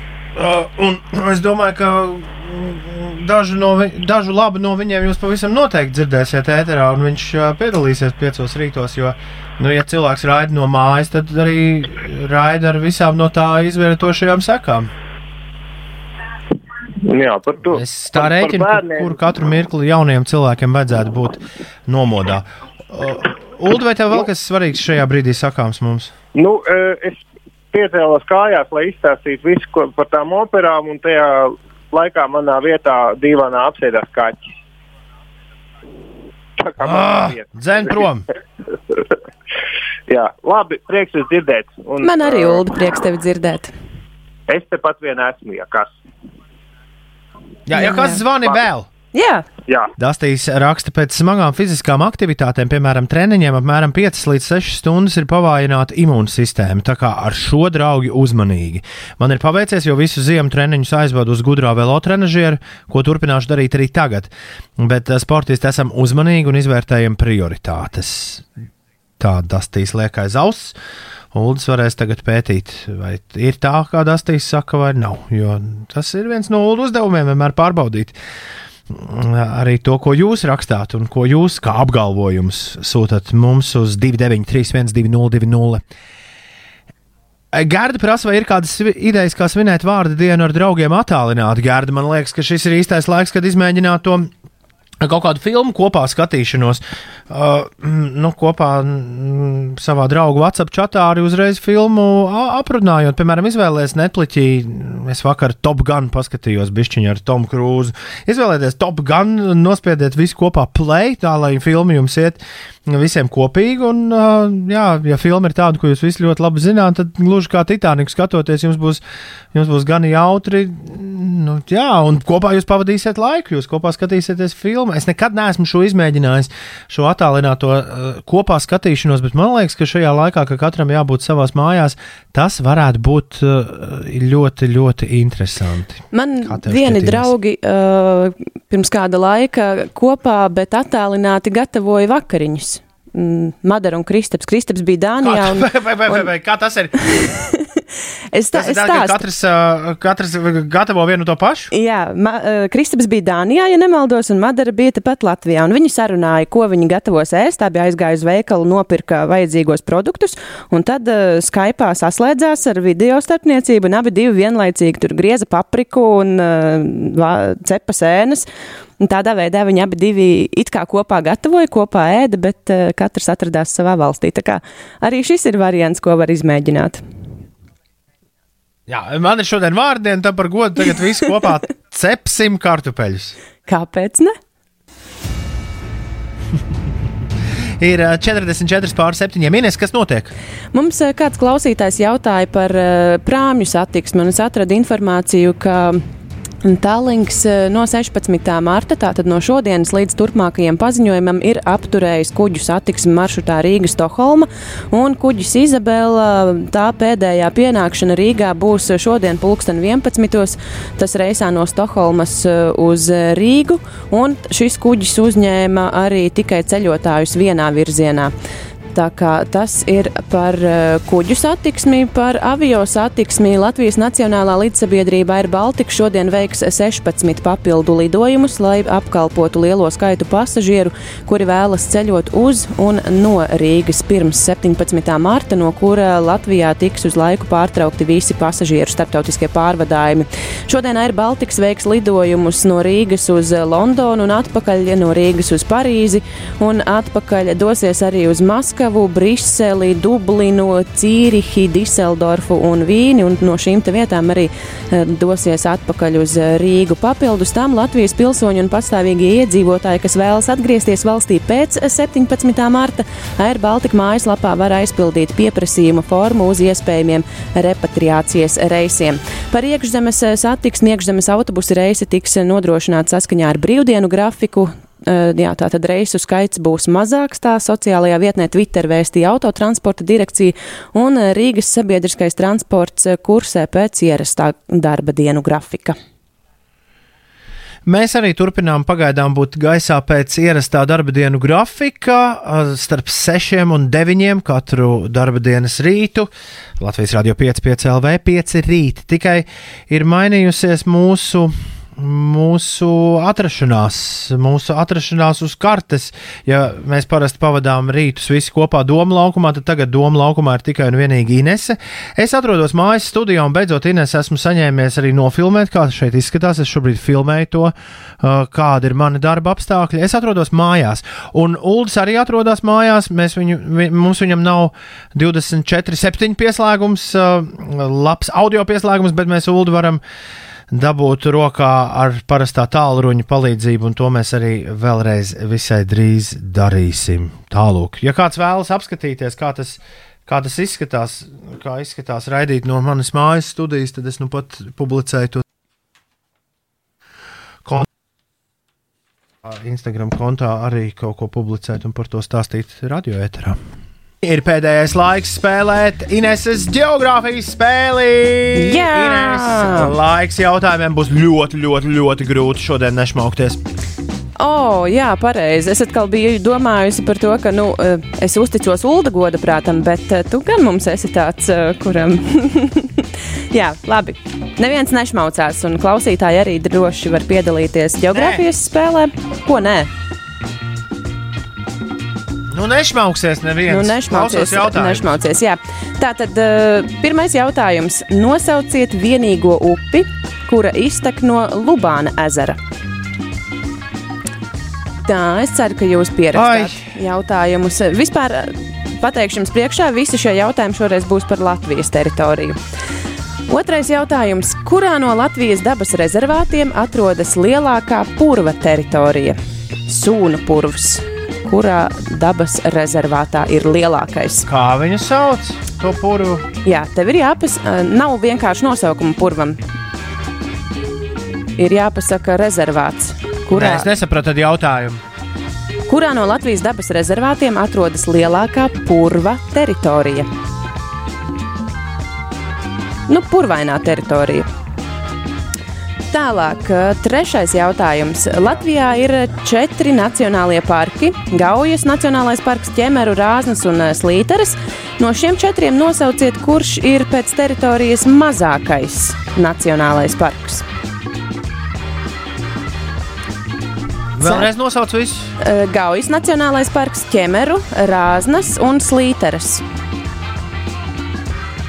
Labi, paldies! Ceturtais jautājums. Kura ir vislielākā pilsēta Latvijā, kas vēl joprojām ir saglabājusies?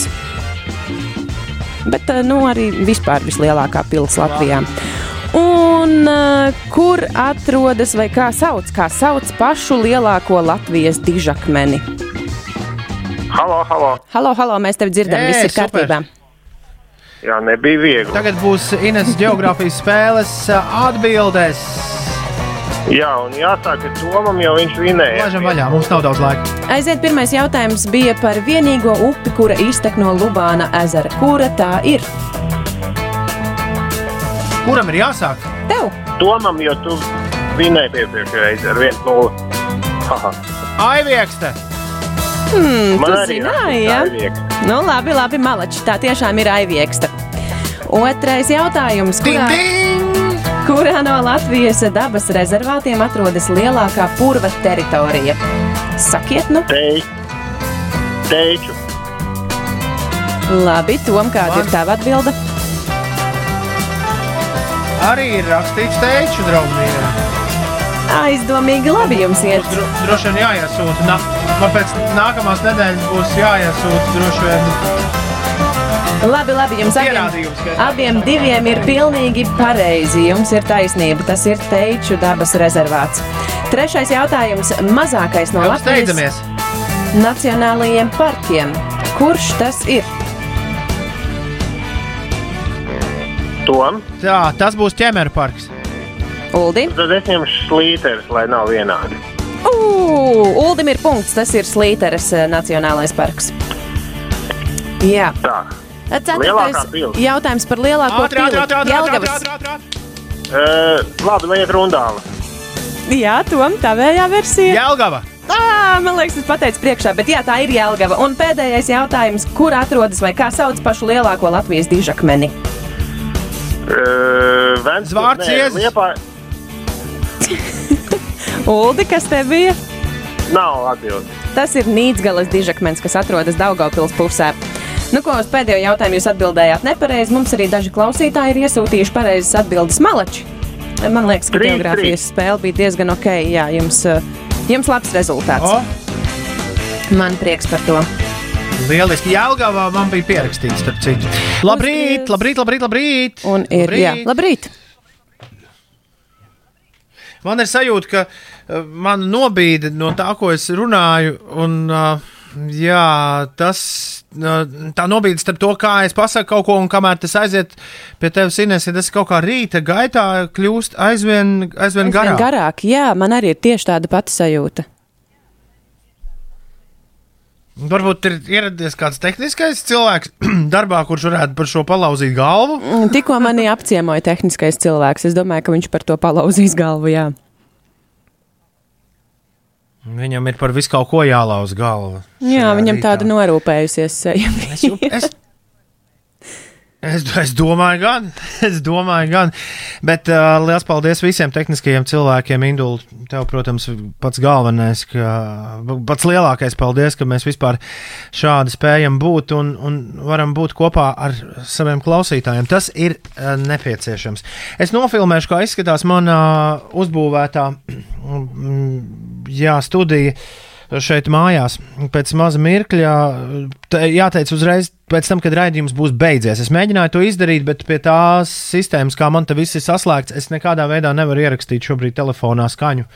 Līdz ar to internets un sociālie tīkli pagaidīs. Esmu pārliecināts, ka šīs dienas raidījuma diezgan lielu tā daļu mēs pārvērtīsim arī mūsu podkāstā. Visur, kur tu meklē un klausies podkāstus, tu vari meklēt pieci rīti. Uh, jā, jo nu, gal galā šorīt esmu pārliecināts, ka ļoti daudzi cilvēki, kuri ikdienā mūs klausījās un dzirdēja starp sešiem un deviņiem, mūs nedzird. Vai nu viņi mācās kādā universitātē, vai viņi mācās kādā skolā. Vai arī vienkārši darbs no mājām paredz arī to, ka bišķi vēlāk var uh, celties augšā. Un šeit arī uh, jautājums vietā, kā jums šķiet, vai mums uh, jā, šajā īpašajā laikā nevajadzētu mm, kaut kā mainīt savu ētera, ētera laiku. Nav gluži tā, ka mēs to varam pēc līdakas pavēles vai burvju nūjiņas mājiena izdarīt. Bet uh, es uh, ļoti labprāt no jums, no klausītājiem, dzirdētu viedokli par to, ja jums būtu šajā ārkārtas situācijā iespēja izvēlēties, kurā, kādā pulkstenī klausīties piecus rītus, kādā jūs to vēlētos dzirdēt. Un tā vietā, lai tagad apstādinātu īziņu mašīnu ar šo ziņu, varbūt atrakstiet to uz rītēt 5 LV, uz mūsu e-pasta adresi, ja jums ir kāda vīzija par to. Ja viss ir tā kā vajag, ja mēs varam palikt šeit starp 6 un 9, ja tas ir ja tas ir tas, kas jums uh, rada drošības sajūtu, ka neka, kaut kas vismaz šajā pasaulē nav mainījies, mēs ar lielāko prieku būsim vienmēr šeit starp sešiem un deviņiem. Jā. Kāpēc? Jā, halo, vai kāds man dzird? Tevi, dzird, tevi dzirdu es, un dzird arī jebkurš cilvēks, kurš ir ieslēdzis eh, piecēlē šorīt. Ļoti jauki.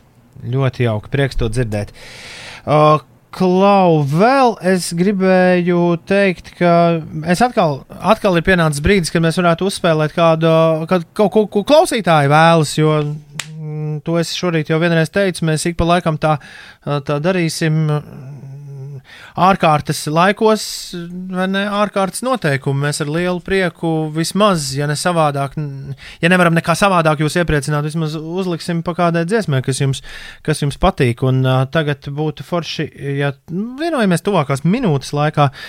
Ja tu tiešām ir kaut kas, ko tu vēlēsies paklausīties, ja tu to atsūtītu uz 293, 202, Tieši 293, 202. Ines man izklausījās, ka kaut kas ieskanējās. Jā, es tev pateicu, es tev piekrītu, ka tieši tā ir jāsūta savas mīļākās dziesmas, kuras jūs gribat ah. dzirdēt tieši šobrīd uz 2931, 2020. Jankam tik bieži mazgājot rokas, sāk parādīties skolas laiku spīkeris. Tas nav nomazgājies. Nabaks. Bet ziniet, ko es iesaku? Uh, nu, no tās biežās roku mazgāšanas un dezinfekcijas līdzekļu lietošanas uh, roku āda kļūst uh, sausa. Tāpēc es iesaku lietot arī uh, kādu mitrinošo roku krēmu. Nu, tas tā no mm, personīgās pieredzes. Mm. Tik daudz vēl kas jāiegādājas. Tik daudz vēl kas jāmāk un, un, un, un, un jāapzina. Un, ah! Traki. Uh, labi, ir 11 minūtes pāri pulksten astoņiem. Uh, Uldis kaut ko rakstīja mūsu kopīgajā saziņā par to, ka pie dolas ir iestrēdzis čehu cirks. Es panēju pirmā dzirdēšana, Ines, tu kaut ko zini vairāk par čehiem, kas ir iestrēguši pie dolas? Mm, diemžēl nē. Nē, esmu neko dzirdējusi par to.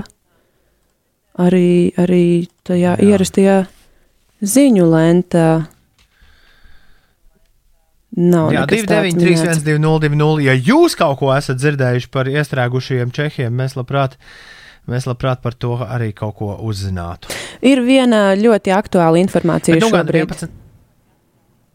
Uh, par pieteikšanos īpašajai, nē, nē, sak, sak, par pieteikšanos īpašajai Baltijas valstu transporta līdzekļu kolonnai laiks ir pagarināts uh, pēc Latvijas uh, laika līdz pulksten 8.30. Tā kā vēl ir nu, burtiski 15 minūtes laika, lai varētu pieteikties eh, cilvēki šķērsot polijas teritoriju un nokļūt mājās. Tam, tiem, kam tas ir aktuāli, tad to vēl var izdarīt. Mm, okay. Ir 12 minūtes pārpusdienas, 8. ir pienācis laiks mums apsveikt tos, kas šodien ir jāapsveic. Un vēlreiz jums visiem arī dzen uzsaukt. Mūsu Rīga Latvijā!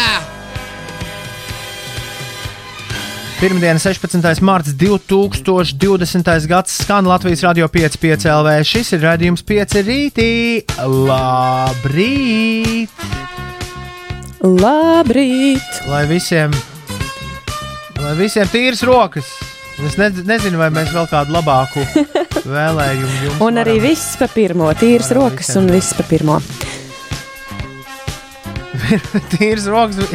Ja būs tīras rokas, tad arī viss būs pa pirmo un bez liekiem tusiņiem. Ja, draugi, Gunterim, Gunteram un Guntim šodien ir vārda diena. Hokejistam Aleksandram Kerčam sveiciens dzimšanas dienā, daudz laimes dzimšanas dienā mūziķim un grupas autobusu debesīs solistam Martam Kristiānam Kalniņam un fotogrāfs Mārtiņš Oto svin dzimšanas dienu. Daudz laimes viņam! Šodien kaut kā švaka ar jubilāriem. Tieši tik švaki, kā bija pirms stundas, tikpat švaki, nes kāpēc arī šajā stundā. Nes kāpēc, jā. Bet, ja tu pazīsti kādu, ka, kam šodien ir dzimšanas diena, daudz laimes un pasveicini viņu arī no mums, lūdzu, lūdzu, dari tā. Nezinu, kā jūs mājās, manās mājās bērni ir augšā. Everts Veselīs Greviņš ir ieradies studijā. Everts, tu teiksi visiem kaut ko vai neteiks? Nāc, nāc šurp. Jārunā mikrofonā diezgan, diezgan ir iekšā. Labrīt, Everts! vi, obligāti visu laiku mazgājiet rokas. Viedi vārdi. Tā, ļoti labi, jā. Ļoti pamācoši. Inês Everts saka, ka tu esat nu pat pateicis viedus vārdus. Savukārt, savukārt Uldim ir viedi vārdi par čehu cirku. Viņš ir visu izpētījis, kas tur notiek. Jā, paklausīsimies tā, tā, tā, tā, tā. tā. Paklausīsimies, kas Uldim ir stāstāms. Veids mazu izmeklēšanu par to cirku izrādās tiešām, eh, kā raksta dzīvnieku patvērsme un mājas zoo meža vairogi. Facebookā var atrast meklē meža vairogi. Eh, Saistībā ar epidēmiju cirks no Čehijas nokļuvuši neapskaužamā situācijā, izrādas apturētas, un eh, viņi arī nevar ilgāk par 20. martu palikt tajā vietā.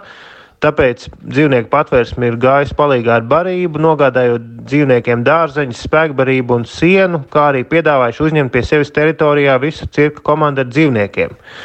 Tas ir meža vairogi. Un droši vien, ka tu kaut kā vari viņiem palīdzēt, vai ir kaut kāda barība, vai ko meklē Facebookā meža vairogi. Interesanti, vai tad pie mums neaizliedz dzīvnieku cirku? Bet jā, šis ir no Čehijas, un viņi tur bija diezgan bēdīgi paziņojumi ielikuši, ka viņiem naudas nav un izrādes nevar spēlēt, un dzīvnieki jābaro, un lai kāds palīdz. Un nekā jau izrādījās, ka kāds arī palīdz. Jā, varbūt mājās ir kādam Ja kāds liekas gadījumā Everta kartupelis. Veslija grēviņa, grēviņa parādīšanās ēterā neko nepateica jau priekšā, tad Kārlis ir atsūtījis īziņu tom, kāpēc tu neesi atbildīgs. Uh, Ines, tu varbūt Kārlim kaut ko var pastāstīt. Kārl Toms ir ļoti atbildīgs, jo šobrīd viņš atrodas ēterā no savām mājām. Viņš ir uzbūvējis mazu mini studīņu sev uz palodzes, un uh, Toms runā no turienes. Savukārt Doma laukuma studijā esmu es pie pogām un uh, kloķiem un uh, laižu ēterā viņu. Tā kā viss ir kārtībā, viss ir pēc noteikumiem. Mm. Uh, jā. Tieši tā arī ir. Klau, Ines, man šķiet, tev ir tagad jāizstāsta, kas notiek. Ir 8,23. Jā, es jau šorīt uh, no rīta stāstīju par to, ka Latvijas Nacionālā līdzsabiedrība Air Baltica šodien veiks 16 papildu lidojumus, lai apkalpotu lielo skaitu pasažieru, kuri vēlas ceļot uh, uz un no Rīgas pirms uh, 17. marta, no kura tātad Latvijā tiks uz laiku pārtraukti visi pasažieru starptautiskie pārvadājumi. Šie lidojumi būs no Rīgas uz Londonu, no Rīgas uz Parīzi, uz Maskavu, Briseli, Dublinu, Cīrihi, Diseldorfu, Vīni un būs arī uh, atpakaļ lidojumi no šīm vietām. Un šorīt jau bija ziņa. uh, Ziņu aģentūru ziņu lentā, ka Latvijas Nacionālās aviokompānijas Air Baltica plānotie reisi ir gandrīz izpārdoti, tāpēc pasažieri, kuri tomēr ir nolēmuši nelidot, aicināti par to informēt aviokompāniju, lai nu, tā tad varētu kāds cits uh, lidot šo cilvēku vietā atpakaļ mājās. Uh, jā, ņemot vērā valdības izsludināto ārkārtējo situāciju, koronavīrusa izraisītās slimības Covid-19 dēļ 12. klašu svešvalodu centralizētais eksāmens tiks pārcelts uz maija vidu, un 12. klasēm eksāmeni notiks no 12. maija līdz 15. maijam. Šodien Latvijā sākas skolēnu pavasara brīvlaiks. Sākotnēji tas bija plānots tikai 1. līdz 11. klašu skolēniem, bet nu, arī 12. klašu skolēni var atpūsties šo nedēļu. Un tāpat ir arī paredzēts, ka pēc brīvlaika mācības divas nedēļas tiks organizētas attālināti skolās. Pēc skaņas jau var dzirdēt, ka Toms nav studijā. Es nezinu, mm. kā ir klausītājiem.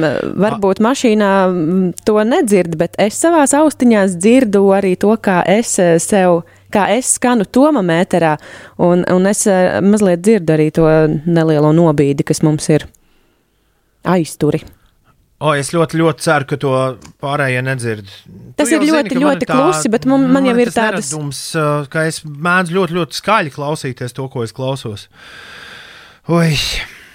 Jā, piedod, ka tev līdz ar to arī ir bijis nērtāks šis laiks. Es sazinājos ar mūsu tehniku. Viņš teica, ka viss tikšot atrisināts. Esot risinājumi, bet tie nenotiek strauji. Tā tad viss ir kārtībā. Šis ir tikai pirmais rīts uh, pēc brīvdienām, pēc uh, valstī izsludinātā ārkārtējā stāvokļa. Tā kā viss būs kārtībā. Vismaz ar ēteru. Es teicu, labrīt! Labrīt! Labrīt! Uldi, labrīt! Labrīt!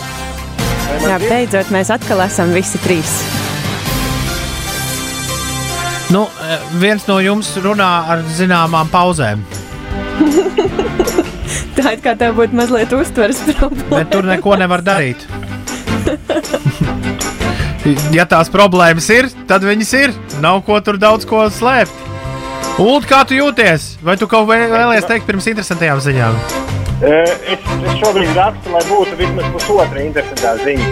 So, ļoti aizņemts. Jā, jau kaut kā atkal rīts paskrēja milzu ātri. tempā, vai ne? Jā. Nu jā, un atšķirībā no mūsu studijā, uh, dīvainā kārtā šādā izkārtojumā, pat ja nav jārunā eterā, nav laika uh, dziesmu laikā īsti. Ines, man ir aizdoms, ka tu mūziku esi stipri pa skaļu pagriezus. Tagad to pārbaudīšu. Varbūt tev aizdomas ir patiesas, bet eh, nu, jau es esmu vājinātājs novilkusi klusāk. Labi. Interesantās, interesantās ziņas klāt. Eh, Diemžēl arī interesantajās ziņās neiztikt bez tēmas, par ko šobrīd runā visās malās. Uldis visu pagājušo nedēļu žēlojās, ka vairs ne par ko citu ziņās nestāsta. Taču nav jau tā, ka nenotiek nekas interesants arī Covid-19 slimības sakarā. Tā Amerikas Savienotajās valstīs divi brāļi ir nokļuvuši neapskaužamā situācijā, jo bija izdomājuši iedzīvoties uz higiēnas rēķina. 1. martā izdzirdot par pirmo vīrusu izraisīto nāves gadījumu, brāļi Mets un Noā Kolvini sēdās mašīnā un veica 2090 km ceļojumu pa Tennessee un Kentucky štatiem, izpērkot gandrīz visus roku dezinfekcijas līdzekļus. Gan gēlu, gan antibakteriālās salvetes, kopā sapērkoties vairāk nekā 17,000 pudeļu. Prece ātri vien ievietot šo Amazonā, pārdodot vienu roku dezinfikācijas līdzekļu pudeli. Dezinfekcijas. Jāiemācās šis vārds. Dezinfekcijas līdzekļu pudele ar pamatīgu uzcenojumu no 8 līdz pat 70 dolāriem. 70 Tad šī iedzīvošanās no uz uh, citu nelaimi drīz vien beigusies. Jau nākamajā dienā Šmamazona izņēma no tirdzniecības visus dezinfekcijas līdzekļus, sejas maskas un līdzīgus pirmās nepieciešamības preču piedāvājumus, kā arī piedraudējis pārdevējiem ar konta slēgšanu. Tā nu tagad, brīdī, kad daudzi Amerikā, tāpat kā Latvijā, meklē roku dezinfekcijas līdzekli, brāļi sēž uz saviem 17,000 pudeļu un īsti viņi nezina, ko ar tiem iesākt. Meliem īsas kājas, vai drīzāk nu, gribējām, kā labāk sanāca, kā vienmēr. Mums likās, ka šī ir iespēja nolikt mūsu ģimeni beidzot uz zaļā zara finansiāli, bet tagad vienīgā doma ir, ko mēs ar šo visu iesāksim. Un liek teikt, ka interneta komentētāji nekādu līdzjūtību brāļiem un citiem līdzīgiem maitas putniem nav izrādījuši, un vārdus, ar kādiem tiek aprakstītas šīs darbības ēterā, mēs nemaz teikt nevaram. Jā, tā ir. Nu, lūk, un, lai interesantajās ziņās ir ievērots in un jaņa princips, pilnīgi pretēji ziņa. Kosmētikas gigants LVMH ir paziņojis, ka aptur smaržu un citu dekoratīvās kosmētikas līdzekļu ražošanu trijās fabrikās, lai turpmāk ražotu tikai roku dezinfekcijas līdzekli, ko izdalīs Francijas slimnīcām. Tālāk! Pavēlti izdalīs gan jau, vai ne? Vai ne? Nu, labi. Nu, to, to nu neprasīja man. To prasa Uldim. Jā, Ulu, tu tur plikšķini pa pogām un neko nesaki. Es rakstu. Uh,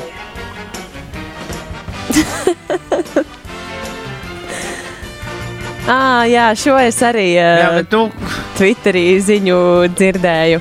man liekas, ļoti labi. Varens. komentārs arī kāpēc, kāpēc tu raksti, ja tu vari pateikt? Varens smieklīgi. Izstāsti, Ulu, ko tu mums te atsūtīji. Es ieliku scenārijā. Jā, mēs redzam, izstāsti. Nē, man liekas, ka ja es kaut ko ielieku scenārijā, tad tas ir Tomam, nevis man izstāstīt. Es zinu, tev vienkārši negribās lasīt Ok. okay. to ziņu. Es esmu astoņas, es astoņas ziņas tālāk. Labi, uh, uh, Linārds rakstīja pagājušo nedēļu, ka viņa mamma aizgāja uz lielveikalu. Zvanīja, ka viņa izdevies atrast un nopirkt vēl dezinfekcijas līdzekļus. Tagad mums mājās stāv divas tūbiņas lubrikantu. Nu, Sajaucās mammai. Mm. Gadījās tā. Bet ir ļoti viegli sajaukt. Es arī veiklā skatījos, ir ļoti tāds. Stāv tur viens otram blakus. Nu, jā, bet vismaz jau uznāks. Uz, uznāks garstāvoklis uz tādām rotaļām. jā, jā, jā. Vai- Nebūs nekur tālu jāmeklē, tepat pie rokas būs. Mēs esam sasnieguši pirmo um, ārkārtas rītu finišu. Mums ir daudz kas jāuzlabo nākamajam rītam, bet viens ir skaidrs, ka rīt mēs atkal sešos būsim ēterā. Kāds rakstīja, ka mēs varētu šeit palikt no ārkārtas situācijā līdz pulksten desmitiem. Uh, Nu, pagaidām nevaram. Pagaidām viss programma ir tieši tāda, kāda tā ir uh, bijusi. Tūdaļ pat Arts Volfs. Mm, la, ļa- man tikai atliek minēt, attālināti vai tieši ar jums saskarsies. Uh, tieši šajā ēterā uh, mēs esam visi trīs. Es, Ines, Uldis, sociālajos tīklos dabūjam rokā bezmaz 24 stundas diennaktī. Ja jūs vēlaties ar mums aprunāties, kaut ko mums pateikt, droši rakstiet. Jā, pats svarīgākais - paliekam, paliekam visi kopā un turpinām sekot tam, kas notiek pasaulē, visi kopā. Uldi un Ines, vai jūs vēl kaut ko vēlaties bilst? Uldi, tava iespēja. Nu, es ļoti gribēju, lai Ines nospiež play tai, tam video, ko es ieliku pirms brīža mūsu uh, Ja tev, ja tev tik ļoti gribēs, es to varu izdarīt. Lūdzu, izdari. Jā, tas ir uh, fragments no Ines Instagram stāstījuma šorīt. Es šodien esmu bijusi beigā veiksminiece, nobērstīju kafiju ar palodzi un um, palodzi ar kafiju. Jā, tā, tāds rīts man, man, man nebija, Lūdzu, vēlreiz, Ines, lūdzu, nospied play podziņu vēlreiz. man nebija laika. Es šodien esmu bijusi beigā veiksminiece, nobērstīju kafiju ar palodzi un um, palodzi ar kafiju. Dāmas un kungi! Dāmas un kungi, lai visiem garda kafija ar palodzi, mēs būsim apakaļ arī rīt starp 6 un 9. Šīs bija attālinātais, tiešais, visvisādais raidījums 5 rīt. Paldies, ka klausījāties! Visu labu! Atā!